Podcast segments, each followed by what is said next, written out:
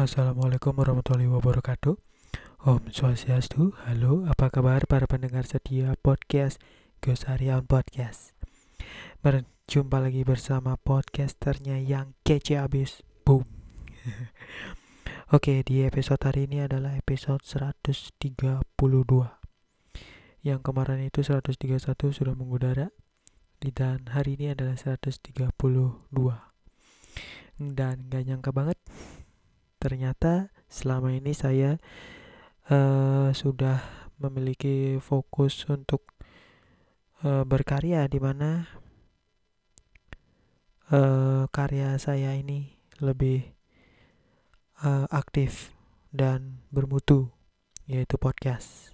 Nggak nyangka aja gitu. Dan di episode hari ini uh, mohon maaf untuk sesi sesi curhat mungkin bakal di episode selanjutnya dan hari ini adalah episode yang bakal ngebahas tentang poltergeist. Kenapa aku ngebahas poltergeist? Aku sempat ngelihat postingan dari podcast Malam Kliwon di Instagram. Postingan podcast Malam Kliwon di Instagram yang memperlihatkan sebuah video poltergeist yang di mana uh, sebuah benda itu bisa bergerak gitu dengan sendirinya yang memiliki sebuah energi gitu. Langsung aja kita bahas tentang poltergeist. Poltergeist ini apa sih gitu. Oke, dimulai dari uh, beberapa kata. Poltergeist adalah istilah dalam dunia paranormal untuk suatu benda yang melau, melayang dan tidak diketahui kekuatan apa yang membuat benda itu melayang. Biasanya, fenomena ini terjadi di negara-negara barat dan sampai saat ini di Indonesia pemberitaan tentang fenomena poltergeist sangat jarang. Kenapa sangat jarang? Karena orang masih beranggapan kalau misalkan ngelihat kejadian poltergeist mungkin ah that's my feeling, that's my illusion. Because di Indonesia jarang yang bener-bener orang tuh ngelihat. Padahal dia udah ngelihat banget benda bisa bergerak sendiri gitu loh. Dan orang-orang itu juga nggak tahu uh, wah apakah ini kejadian poltergeist? Padahal yang dialami adalah poltergeist gitu loh. Langsung, langsung aja uh, bagaimana sains menjelaskan fenomena poltergeist. Oke, dikutip dari merdeka.com, fenomena poltergeist yang sudah memiliki sejarah panjang, termasuk beberapa kasus yang sempat menghebohkan dunia, kini mulai bisa dijelaskan secara ilmiah. Secara ilmiah ya. Memasuki abad milenium, para ilmuwan mulai bisa memecahkan fenomena poltergeist ini secara logis, secara logis. Dari beberapa penelitian yang telah dilakukan terkait kasus poltergeist ini, diketahui jika kasus tersebut banyak dialami oleh para remaja perempuan. Beberapa penelitian seperti yang dilakukan oleh Pusat Penelitian Rain Institute Psikologi di Duke University, Durham, North Carolina bahkan menjelaskan jika fenomena poltergeist adalah ekspresi fisik dari trauma psikologis yang mana pros prosen presentasenya lebih eh sorry prosentasenya lebih banyak dialami oleh remaja perempuan dibanding laki-laki.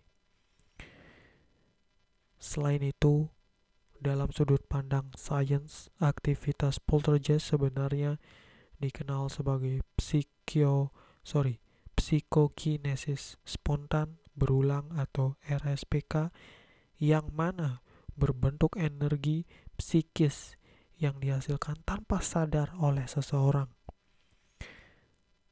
Energi inilah yang diklaim dapat menggerakkan benda yang ada di sekitar orang yang menghasilkan energi tersebut. Oke, secara secara sing apa secara yang aku, aku tangkap kalau secara jelasnya mungkin da, apa dari di dari dalam diri kita ya. Dari uh, kondisi psikologisnya kita itu kayak gimana gitu loh. Kalau lagi sedang bad mood banget gitu kan udah energi psikisnya itu udah keluar gitu kan. Energi psikis dan sampai-sampai lo itu mengeluarkan sesuatu energi dalam tubuhmu uh, dalam tubuhmu ya. Dan otak itu akan merespon kalau otak merespon dan uh, seluruh tubuh akan merespon juga. Dari otak langsung ke seluruh tubuh merespon dan mengirimkan mengirimkan energi itu. Dan terjadilah poltergeist gitu kalau secara yang aku tangkap kayak gitu ya ilustrasinya kayak gitu, gitu.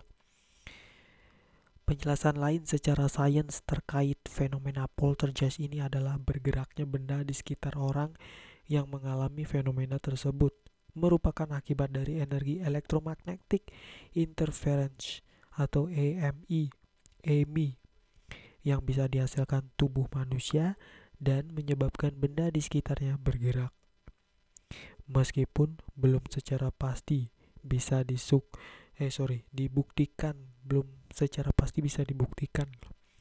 Namun, dengan banyaknya penelitian awal yang menyelidiki fenomena poltergeist ini, maka bukan tidak mungkin jika beberapa dekade ke depan fenomena ini bisa dijelaskan sepenuhnya melalui sudut pandang sains.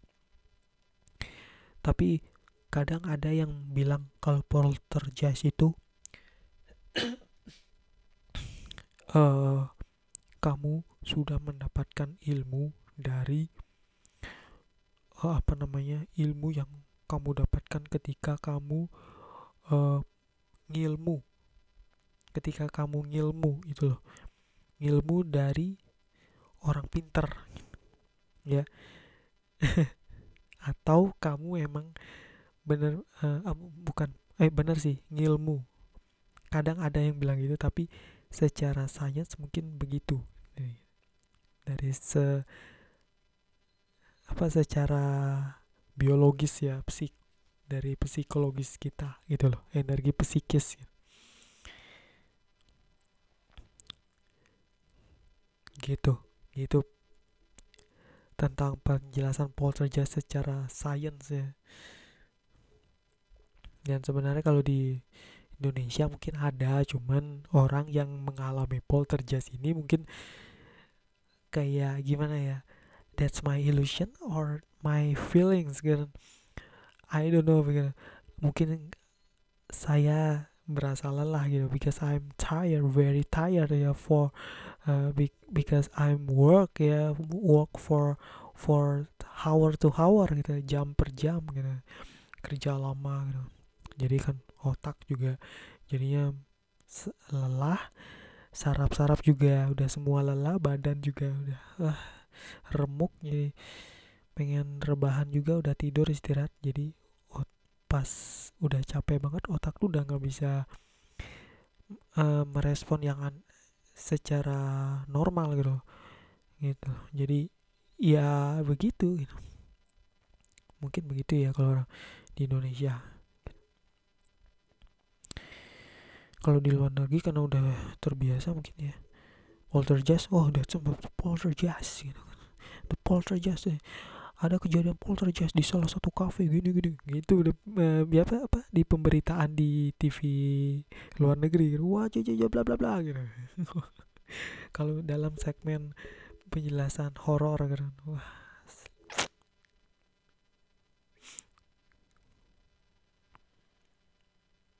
gitu guys poltergeist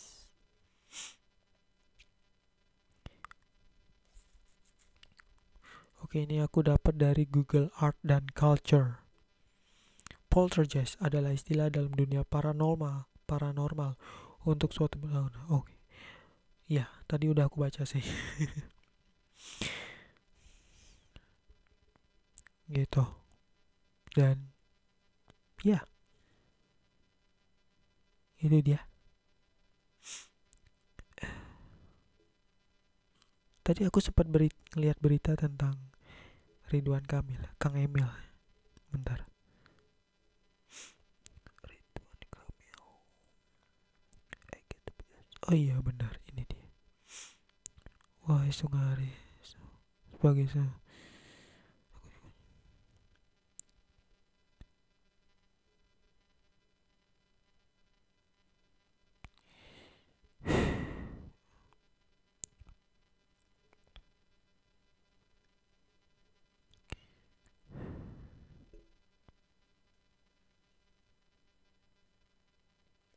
Iya.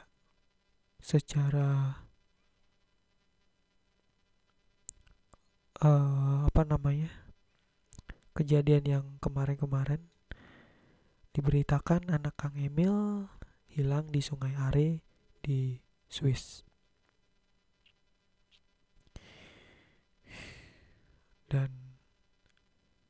postingan dari Ridwan Kamil 23 jam yang lalu di Instagramnya. Sudah um, berisikan kata utama yaitu innalillahi wa innalillahi rojiun dan Kang Ridwan sudah melepas anaknya yang sudah tiada. Gitu. Dan jadi kita semua berdoa semoga uh, anak Bapak Ridwan Kamil, Emeril Khan Mumtaz tenang di sana ya, di alam sana. Dan sempat juga aku lihat beritanya tadi, kaget lah. Anak Kang Emil, uh, apa namanya? Wah, langsung kaget dong gue asli. Ya guys. Kita berdoa bersama ya. Oke. Ya semoga amalan ibadah M Emeril bisa diterima di sisinya. So mungkin itu aja untuk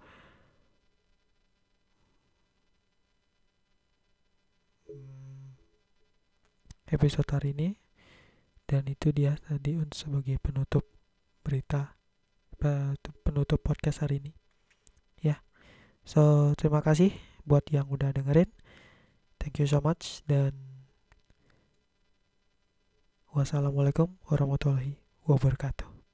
Om santi santi santi. Om matur semua